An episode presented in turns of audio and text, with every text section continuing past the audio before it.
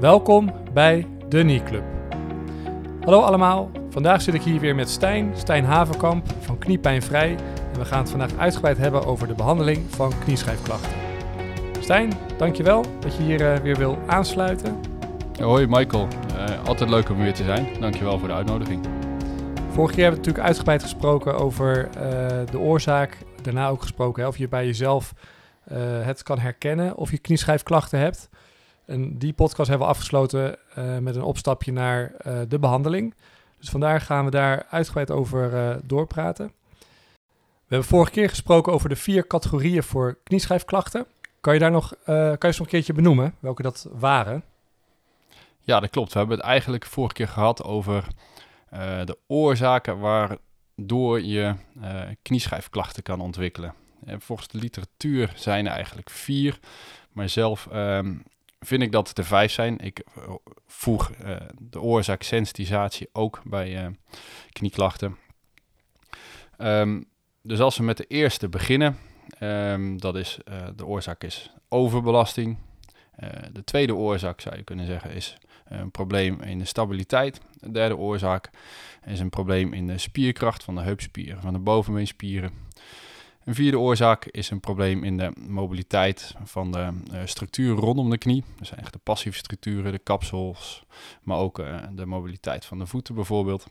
En de heupen of een hypermobiliteit, dus juist een te soepel knieschijfgewricht of te soepele gewrichten rondom de knie. Ja. Het klinkt wel als een mooie uitdaging om hier uitgebreid met elkaar over in gesprek te gaan. Uh, laten we gewoon beginnen bij het begin. De overbelastingsklacht. Wat kan je hier aan doen? Nou, eigenlijk is daarin de belangrijkste interventie die je zou kunnen doen, is de belasting weer gelijk krijgen met de belastbaarheid. Dus eigenlijk wat je daarmee moet gaan doen, is inzicht krijgen in de dagelijkse belasting. En dit zie je natuurlijk veel bij sporters, topsporters, maar ook bij militairen komt het veel voor. En wat is belasting? Ja, dat vind ik eigenlijk een hele goede vraag. Want daar denken we eigenlijk te weinig over na, vind ik, wij als fysiotherapeut. Want de belasting op de knie is niet alleen de fysieke belasting in de zin van als je de knie belast en je zakt door je knie, of je loopt trap, of uh, je fietst, of je doet een squat. Het is ook, belasting is eigenlijk de combinatie van fysieke belasting, uh, emoties en uh, psyche. En alles bij elkaar bepaalt wat je knie op dat moment kan hebben. Oké, dat zijn nog, toch nog best wel hele brede uh, termen, hè? psyche. Uh, hoe kan je, dat, kan je nog dat iets verhelderen? Ja, wat ik vaak met mijn patiënten doe als ik uh, denk dat er sprake is van overbelasting, is eigenlijk doornemen wat ze in een week doen. En soms laat ik ze daar ook een pijndagboek bij bijhouden. Dus ze moeten opschrijven wat ze hebben gedaan en hoeveel pijn dat ook geeft. En soms zie je dat er eigenlijk helemaal geen verandering is in die fysieke belasting, terwijl dat er toch pijn is ontstaan. En dan ben ik geneigd om verder te gaan kijken, is het dan wat anders gebeurd in die periode van je leven waarin je klachten hebt gekregen? Ben je slecht gaan slapen? Is je, relatie misschien uitgegaan? Zijn er andere oorzaken aanwezig wat je meer stress heeft gegeven en waardoor de belasting, of eigenlijk je belastbaarheid van je knie en je lichaam in het algeheel is afgenomen? Oké, dat klinkt al wat meer uh, duidelijker. Uh, en als je dan hebt wat ook weer concreet probeert te maken, hè, wat jij als fysiotherapeut voor die mensen kan betekenen, dus zowel voor fysieke belasting of en mentale belasting, kan je daar wat meer over vertellen? Hoe jouw behandeling eruit ziet? Ja, zeker. Dus als wij dan weer in kaart hebben gebracht waar dan het probleem zit, hè, dat is vaak al een ingang voor de therapie en een ingang voor de oplossing. Dus eigenlijk is het de belasting meer doseren. En heel af en toe zeg ik wel eens, nou, eventjes niks doen. Maar dat komt eigenlijk weinig voor, want ik wil ook niet te veel dips krijgen. Want als je dan een tijdje niks doet en daarna weer de activiteit oppakt, dan krijg je gelijk weer een piek. En die pieken en die dippen wil je vermijden. Dus je wil eigenlijk zorgen dat de belasting op een bepaald uh, niveau is en daar niet te veel in varieert. En dat je eigenlijk rustig opbouwt. En dat is vaak ook gelijk de oorzaak waarom mensen uh, klachten ontwikkelen op basis van overbelasting. Is dat ze vaak te snel te veel doen. En daarin inzicht geven en inzicht geven in de hersteltijd van het weefsel. Het herstelt van het kraakbaarweefsel, herstelt van het peesweefsel, herstelt van spierweefsel. dat geeft daar vaak veel meer inzicht in hoe mensen de knie moeten gaan belasten. En als ze dat beter weten, uh, geeft ze dat ook ja, eh, meer ownership over hun klacht, zodat ze het onder controle kunnen krijgen. En dat geeft vaak ook geruststelling en daarmee ook uh, ja, vinden mensen het vaak fijn dat ze in de gaten hebben, ik kan mijn eigen kniekracht dus wel beïnvloeden, omdat ik nu weet waardoor het komt. En heb je nog een gouden tip? Want mensen vragen uh, altijd van, hè, hoe ver mag ik dan lopen of hoeveel mag ik fietsen? het is natuurlijk heel lastig om concreet te maken aan een patiënt van hè, wat is te veel en wat is goed en wat is onvoldoende. Heb jij daar nog een gouden tip voor? Um, eigenlijk zijn dat uh, aantal regels waar je dan aan moet voldoen. Want jouw knie is, niet, is anders dan die van mij. Jij, jouw knie kan misschien verder wandelen of meer squatten dan ik. Dus dat verschilt per persoon. Dus je moet het voor jezelf gaan bekijken. Als je die activiteit doet, vind ik dat de pijn, als je daarbij pijn ervaart, hè, mag die niet erger worden. En als er pijn is, mag die niet meer worden dan pijncijfer 5, waarbij 0 geen pijn is en 10 is ondraaglijke pijn. Uh, de activiteit mag er niet voor gaan zorgen dat je functieverlies gaat krijgen. Dus dat betekent dat je slecht gaat lopen of gaat manken dus. En de activiteit mag er ook niet voor gaan zorgen dat je s'nachts pijn ontwikkelt. En ik vind als je die pijn hebt, uh, als de activiteit pijnlijk is, moet pijn binnen 24 uur duidelijk minder zijn geworden. als dat langer is de 24 uur, dan is het toch vaak sprake van een overbelastings- of ontstekingsreactie. En dat is eigenlijk niet wat we willen. Dus ik vind dat de mensen uh, mijn patiënten eigenlijk aan die criteria zich moeten houden om ervoor te zorgen dat de belasting op de knie binnen de, beperk, uh, of binnen de perken blijft. En vanuit daar ook weer kan herstellen. dus stel als er pijn is van de activiteit, moet dat weer terug zijn bij het basisniveau voordat ze de activiteit weer kunnen hervatten de volgende keer. Is dat een beetje duidelijk zo? Ja, dat is een heel verhaal. Voor mij duidelijk, ik hoop voor de luisteraar ook. En ook eh, als we ons verplaatsen maar, weer in de sporter. De sporters die hebben over het algemeen te maken met uh, de overbelasting. Um, heb je voor hun ook nog een tip als ze dan eventueel klachten hebben van hoe kunnen ze dan hun sport anders inrichten? Of heb je ook alternatieven voor, uh, voor hun sport wat je dan zou kunnen adviseren? En ook weer om dit concreet te maken, praten voor een voetballer bijvoorbeeld of een hardloper. Ik weet niet wat voor jou het meest, waar, waarbij de meeste knieschijfklachten voorkomen. Voetballers valt er mee. Hardlopen is iets meer. Dan zijn meer de kniepeesklachten die op de voorgrond staan. Um, over het algemeen ga je dan kijken naar een alternatieve training, waarbij je toch minder belasting hebt op de knie. Dus waarbij de knie niet te veel voorbij de tenen gaat, want dat is eh, niet per definitie slecht, maar geeft een hogere belasting. Dus je gaat dan toch kijken van, je kunt bijvoorbeeld meer cyclisch gaan belasten, wat meer fietsen. Mocht dat niet uh, pijnlijk zijn. Uh, maar blijf wel actief, is mijn uh, advies. Of ga in dit geval, als de knie echt te pijnlijk is, dan gaan we ons meer richten op de heup. En dan ga je bijvoorbeeld meer core trainen of meer heupspierkracht trainen. En daarnaast uh, kunnen wij nogal wat uh, dingen doen om de pijn op korte termijn te verzachten.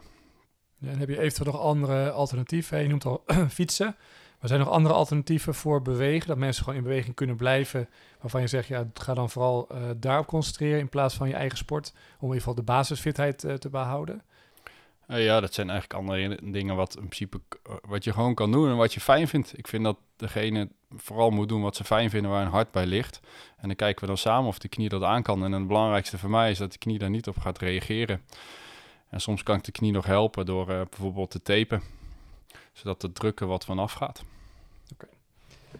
Duidelijk. Laten we naar de volgende gaan. Dus overbelasting gaan we door naar spierkracht. kan je daar wat meer over vertellen? Ja, zeker. Um, er zijn een aantal spiergroepen die heel belangrijk zijn. Die test ik ook altijd met mijn patiënten. Dat doe ik met een microfat-meting. Dus ik ga kijken of er... Natuurlijk willen we meteen even weten wat een microfat is. Ja, ja, dat is een heel dik ding. Nee, uh, dat is een, uh, een metertje uh, wat de spierkracht meet. Dus dat kan je in hou ik in mijn handen en dan geeft de patiënt de kracht. En dan zie ik hoeveel spierkracht een bepaalde spiergroep of spiergroepen kunnen leveren. En heb je normwaardes of dan kijk je naar links-rechts verschillen. Hoe doe je dat? Ja, allebei. Uh, dus er zijn uh, absoluut normwaarden wat een man en een vrouw mag halen. Uh, maar het belangrijkste vind ik links-rechts verschillen. Oké, okay, duidelijk. En dan heb je de spieren getest hè, en heb je die beoordeeld. wat is dan je volgende stap in je behandeling? Um, ja, dan gaan we die spieren trainen. En over het algemeen, dat hangt een beetje af van de mate van de pijn in de knie. Als de knie ontzettend pijnlijk is, dan laat ik de knie nog eventjes um, buiten beschouwing en richt ik me volledig op de spieren rond de heup. Want die heupspieren zijn heel erg belangrijk om de knie goed uit te lijnen. Um, als die spieren daar te zwak zijn of ze zorgen niet goed voor een voldoende hip lock, hè, zoals we noemen, het goed stabiliseren van de bovenbenen in het heupgewricht, dan eh, leidt dat vaak tot een hip drop, zoals we noemen, en het naar binnen zakken van de knie. En dat geeft vaak overbelasting op het knieschijfgewricht. Dus we gaan dan die spieren met name trainen op kracht en op uithoudingsvermogen. Oké, lijkt me duidelijk. Je noemt wel nog een paar lastige termen als een hiplock en uh, hip drop. Uh, hoe, hoe, wat kan je daar nog bij voorstellen en hoe, hoe verander je dat door te trainen? Een hipdrop is, kan je zien als je bijvoorbeeld je blast op je linker, aan je linkerknie staat, op je linkerbeen. En je gaat door je been zakken en je ziet dat je rechterbekkenhelft eigenlijk inzakt. Dat noemen we de hipdrop. En dat komt omdat de spieren van het standbeen, het linkerbeen dan, eigenlijk onvoldoende spierkracht hebben of controle om de heup goed te stabiliseren. En je wil juist dat die heup daar goed gelokt, hè, goed stabiel in is. Dus dat die spieren goed de heup op de plek houden. Oké, dus even samengevat, uh, mensen met veel pijnklachten, er is een duidelijk spierprobleem, ga je gewoon rustig gaan opbouwen. Trainen vooral rond de heup, bekken, buikspieren, rugspieren. En zodra dat dan beter gaat, ga je ook wat meer focussen op de beenspieren, uh, vermoed ik. Klopt, hè? Dan, dan ga ik inderdaad focussen op de bovenbeenspieren. Uh, uiteraard ook de kuitspieren. Hè. Heel soms zijn die wel verzwakt, dan moeten we die meenemen. Uh, maar met name gaat het om de heupspieren en de bovenbeenspieren. Altijd de valkuil is, dus als je te snel je bovenbeenspier gaat trainen, dan noemen we de quadriceps paradox. En dat is wat er mijn inziens heel vaak verkeerd gaat in de fysiotherapie. Dat mensen komen bij een fysiotherapeut en die denkt, oh het is een patellofemoraal pijnsyndroom. Nou, dan moeten we de quadriceps op gaan trainen, want die zou wel te zwak zijn. A, is dat niet altijd het geval. En B, als je de quadriceps traint, dat is dus de bovenbeenspier, die zit boven je knieschijf, dan zorgt dat ook voor meer druk op het knieschijfgewricht, die dat misschien op dat moment nog helemaal niet aan kan en eigenlijk pijn gaat geven. En als die knie pijn geeft, dan krijg je ook de noemen we inhibitie, of autogene spierinhibitie. Dus dat betekent dat door de pijn in de kniegewricht kan je de knie of die spier boven de knie, de quadriceps, niet goed trainen. En ben je eigenlijk contraproductief bezig. Je gaat namelijk meer pijn creëren en die spier wordt niet sterker. En de patiënt is dan vaak verder van huis. En waarom moeten we dan toch die bovenbenen trainen? En vooral dan die quadriceps? Ja, omdat die, die zijn toch wel belangrijk. Een sterke bovenbeenspier zorgt er ook voor dat de knieschijf weer goed in het gootje wordt gedrukt. Zodat hij niet zo snel uh, ja, zeg maar een beetje ontspoort of eigenlijk te veel langs de kanten gaat, wat overbelasting geeft. Dus we moeten wel de bovenbeenspier trainen om dus te zorgen dat de knieschijf goed door het gootje blijft lopen. we weten ook dat te zwakke bovenbeenspieren uh, dus uh, klachten kunnen geven voor de knieschijfgewricht. Dat is eigenlijk wel de grootste oorzaak, maar er zijn dus zeker meer oorzaken. En dus het is fout om te denken dat je met alle knieschijfklachten het bovenbeen moet trainen. Dat hoop ik in ieder geval hiermee al duidelijk te kunnen maken. Lukt zeker. En uh, is er een manier om je progressie ook te monitoren of te meten? Dat je kan merken van hé, hey, ik ga echt vooruit. Uh, wat voor kenmerken of kaders gebruik je zelf?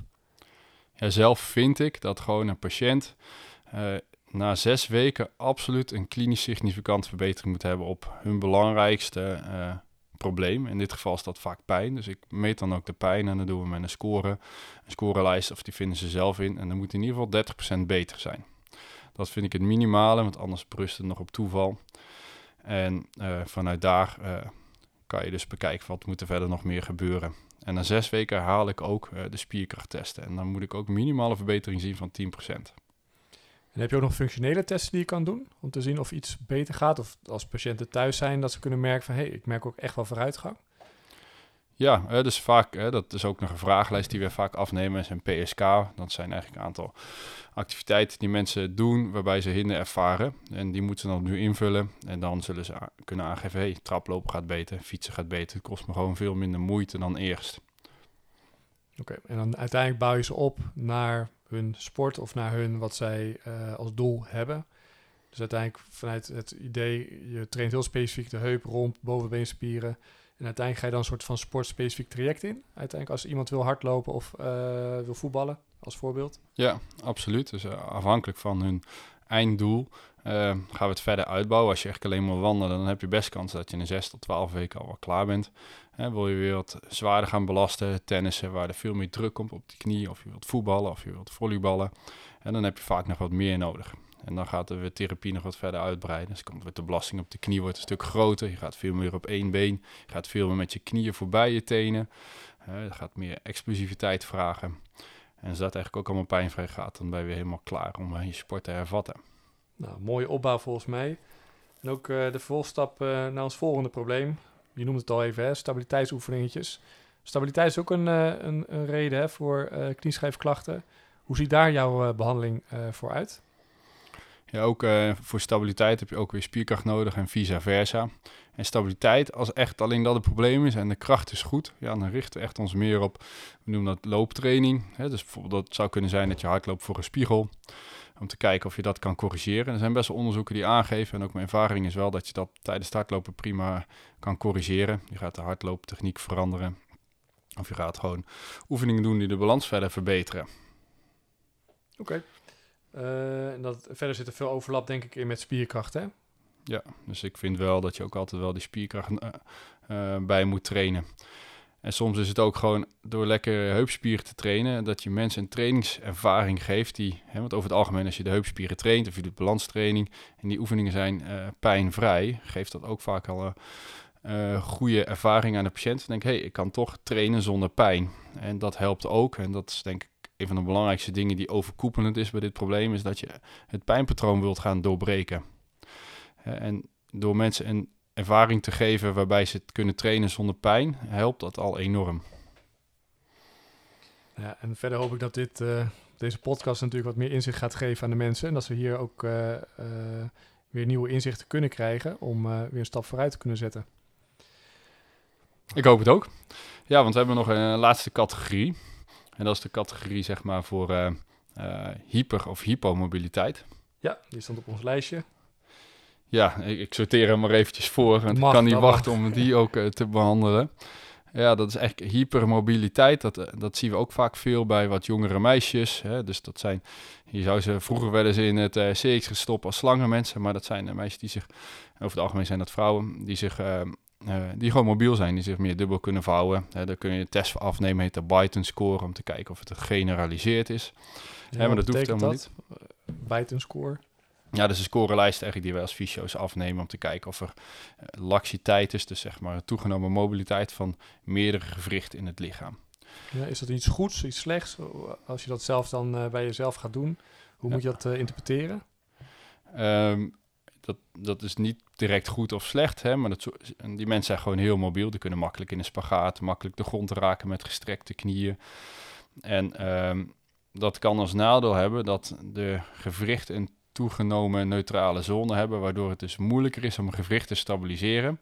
En daarbij moeten de spieren vaak harder werken. Dus het kan best zijn dat die mensen vaak meer overbelastingsklachten hebben. En als we dan kijken naar uh, knieschijfproblemen, dan zien we vaak dat de knieschijf te mobiel is en te makkelijk uit het gootje, gootje glijdt. En dus kan luxeren, uit de kom gaan raken of ja, uh, te veel piekbelasting geeft. En uh, ja, dat geeft uiteindelijk ook klachten. Ja, en hoe ziet de behandeling eruit bij deze mensen?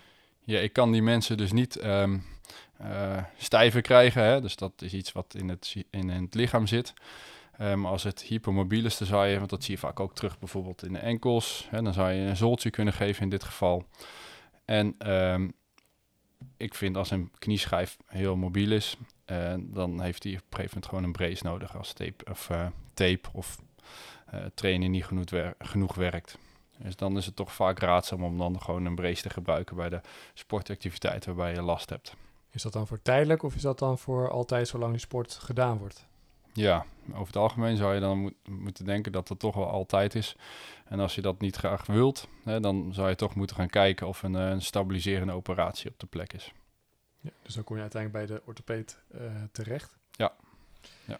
Uh, want over de orthopeed gesproken, um, knieschijfklachten uit de praktijk blijkt, hè, het duurt lang, gaat vaak veel tijd overheen.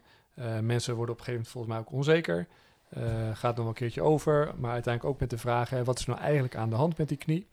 Dus we maken ook op een gegeven moment gewoon een afspraak bij de orthopeed.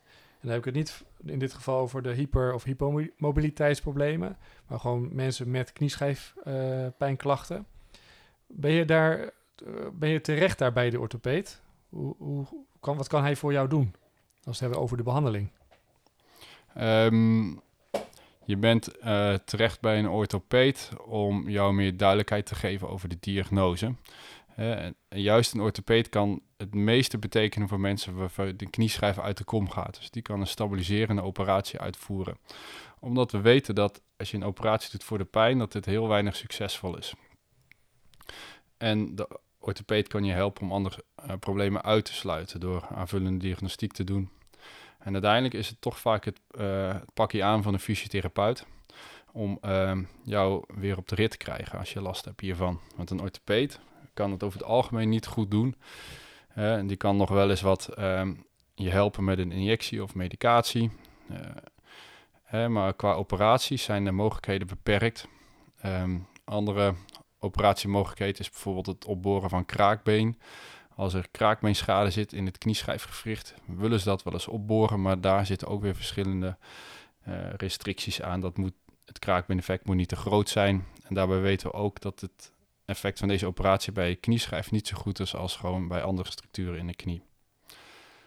Dus ook even kort samengevat, bij de orthopeed is vooral belangrijk voor uh, een stukje geruststelling, een stukje diagnostiek, maar uh, voor pijnklachten alleen is een orthopeed niet de aangewezen persoon, uh, want opereren is een, met knieschijfklachten niet de indicatie, zeg maar.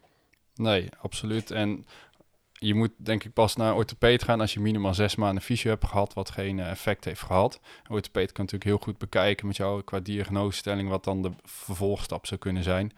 Ik ben natuurlijk zelf geen orthopeed, dus ik wil ook niet voor een orthopeed spreken, maar ik doe wel samen spreken met een orthopeed. En dit zijn eigenlijk altijd wel de dingen die we tegenkomen en overwegen. Oké, nee, duidelijk. Uh, en dan heb je eventueel nog dus de uh, behandeling voor mensen met een uh, hypermobiliteitsprobleem, dus het stabiliseren. kan je het kort daar misschien nog wat vertellen over hoe de behandeling daaruit ziet? Natuurlijk wel even wat anders en ook een stukje ingrijpender opereren als gewoon lekker bij de fysiotherapeut conservatief optrainen. Ja, dan, wat er dan gebeurt is dat er eigenlijk, meestal zijn er sprake van twee typen operaties. Uh, orthopeed beslist met de patiënt welke het beste zou kunnen werken. Dat is eigenlijk het reconstrueren van het bandje aan de binnenkant, de MPFL. Ehm, meestal wordt dat gedaan als dat gescheurd is geraakt door een trauma, waarbij de knieschijf uit de kom is gegaan. Een andere operatie die ze vaak doen is de tuberostas transpositie. Dat is eigenlijk de aanhechting van de kniepees, het botstukje daarvan, iets naar onder en naar binnen zetten. Uh, zodat die knieschijf niet meer uit de kom gaat. En dit is meestal op basis van wat aangeboren laxiteit. Ja, en dan uh, gaan ze de revalidatie in, uh, wat eigenlijk gewoon opgebouwd wordt hè, van het ja, weer leren aanspannen van de bovenbeenspieren, weer leren lopen, opbouwen uiteindelijk in de, in de krachttraining. En op een gegeven moment richting sportspecifiek weer terug naar hun eigen sport. Is dat heb je ervaring daarmee? Of, ja, zeker. Daar zie ik ook wel patiënten van. Uh, jij denk ik ook. Um, en over het algemeen gaat dat ook in verschillende fases, waarbij de eerste vier tot zes weken vaak nog uh, een brace is, waarbij de, de, mobiliteit nog beperkt is en je niet te zwaar mag belasten. En is het belangrijk om de mobiliteit weer rustig te vergroten tot de waardes waarin het mag. En ook al gelijk weer te zorgen dat de motorcontrole, dus uh, en dan noemen we eigenlijk het correct kunnen aanspannen van de bovenbeenspieren weer op orde is. En proberen de pijn van de operatie verder uh, omlaag te brengen. En dat is voornamelijk de eerste fase. En daarna kan je wat meer gaan belasten en de spieren wat zwaarder gaan trainen en meer gaan kijken naar wat functionele dingetjes. En zoals je eigenlijk ook wel uh, herkent vanuit jouw knierevalidatie. Ja, nee, zeker. Um, we hadden nog één dingetje op ons lijstje staan. En dat is de sensitisatie. Um, hoe ziet daar jouw behandeling uh, ervan uit? Um, we hebben er trouwens nog eentje, hè. dat was de, de, de mobiliteitsprobleem, dat was de hyper. En daarnaast hadden we nog de hypo, hè. die is onderverdeeld. Van, ik snap dat je hem vergeet. Besproken. Maar ook niet eentje die uh, onbelangrijk is, want ik zie hem toch best wel vaak en die wordt vaak vergeten. Hè? Dat gaat eigenlijk om een te stijf kapsel rondom de knieschijf. Dus het laterale retinaculum, zoals ze noemen. Dus het kapsel aan de zijkant van de knieschijf. En als dat te stijf is, dan gaat je knieschijf ook te veel naar buiten.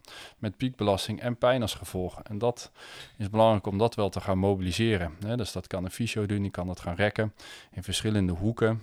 En dan zeg ik altijd, ja, dat is collageenweefsel, dan moet je langdurig rekken, maar mild dan reageert het het best op. En als dat het geval is, dan meestal is het vier tot zes keer uh, dat behandelen en dan is het vaak wel op lengte. En daarnaast uh, kan er ook stijfheid zijn van de spieren, met name de bovenbeenspieren. En dan is het ook belangrijk om, uh, om die te gaan rekken. En is daar een reden voor dat het zo stijf wordt? Dat het gerekt en gemobiliseerd moet worden? Ja, dat, soms is dat na een operatie. Hè? Dus door operatie kan het stijf zijn. En we weten uit onderzoek ook dat bijvoorbeeld de scoopgaatjes ehm, eh, kunnen fibroseren. Dat zit in de rondom het kapsel van de knieschijf in het uh, hofhaarweefsel. En dat piekt op zes maanden na een operatie. Dus dat kan dan wel eens reden zijn dat het stijf is. Het kan komen door uh, overbelasting, wordt het kapsel ook stijver van. het kan iets aangeboren zijn. Ehm, dus dat zijn een beetje de belangrijkste oorzaken, denk ik, van verstijving van het kapsel. Ja, duidelijk. Nou ja, dan nu echt naar de laatste, sensitisatie. Mhm. Uh, we hebben vorige keer gehoord hè, wat het is. Dus ik denk nu vooral uh, belangrijk om te weten hè, hoe behandel uh, jij dit soort klachten? Ja, dit is eigenlijk de moeilijkste.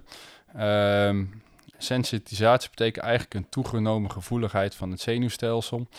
En um, dus de pijn die mensen voelen in hun knie is dan niet op basis van lokale weefselschade, maar eigenlijk omdat het zenuwstelsel denkt dat een bepaalde beweging voor hun knie schadelijk is. En wat gebeurt er dan is dat het zenuwstelsel denkt, hey, vorige keer was traplopen pijnlijk, dus dat zal nu ook wel pijnlijk zijn. Ik ga je proberen te waarschuwen. En het waarschuwingssignaal, ja, dat is pijn. Dus dan mogen we het gewoon lekker gaan negeren? Ja, ja en nee. Hè. Wat, wat je mij al eerder hebt horen vertellen is dat uh, het belangrijk is om te weten dat die beweging geen schade geeft. Hè. Dus dat geeft weer geruststelling. Maar anderzijds wil je ook het pijnpatroon doorbreken. Dus als je elke keer dingen blijft doen wat je pijn blijft geven, blijf je het zenuwstelsel herinneren aan iets uh, wat pijn geeft, waardoor je het niet doorbreekt en het in stand blijft. Dus je moet wel gaan kijken of je een bepaalde beweging wat pijnlijk is.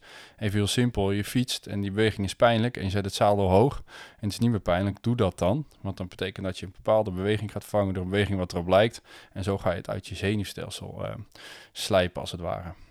Ja, kan je nog wat meer vertellen over je behandeling uh, die jij doet als fysiotherapeut? Ja, in mijn, uh, bij Kniepijn Vrij, als mensen dat gaan volgen, dan eerst wat ze moeten doen is er ook filmpjes over gaan kijken, zodat ze weten hoe pijn precies werkt. Want als je weet hoe pijn werkt, en daarbij vind ik een orthopeed trouwens ook heel belangrijk. Bij deze mensen is het heel belangrijk dat ze uit wordt gesloten dat andere dingen aan de knie en de hand zijn. Dat er geen schade is in de knie. Want als mensen denken dat er schade is in de knie, er is iets kapot. Dan blijft het zenuwstelsel alert en blijf je pijn ervaren. Dus het is heel belangrijk om geruststelling te kunnen geven dat de knie echt in orde is. Dat je er 100 mee kan worden. Dat je er alles mee kan doen wat je wil. Uh, en dat het niet kapot gaat, maar dat je zenuwstelsel dat eigenlijk nog niet weet en dat we dat patroon moeten gaan doorbreken. En moet je daar nou, om zeker te weten dat er niks aan de hand is, met die knie een MRI maken of röntgenfoto maken? In principe niet, uh, want dan zou je heel veel mensen onnodige röntgenfoto's en MRI mo moeten gaan maken. Uh, vaak Hoe overtuig je, je dan mensen ervan dat er echt niks aan de hand is? Um, door testen te doen met de knie, uh, goede vragen te stellen. Um, op basis van mijn ervaring weet ik ook wel wanneer iets zeg maar pluis of niet pluis is. Hè, dus iets in de haak of niet. Um, en als iemand dan nog niet overtuigd is, en dat kan ook echt, hè, en uh, ik kan ook niet iedereen overtuigen. En soms heb ik ook nog wel eens met twijfels, dan is het gewoon goed om in te sturen. En om uit te sluiten dat er iets anders aan de hand is. Duidelijk. Um, dan komen we denk ik op het laatste.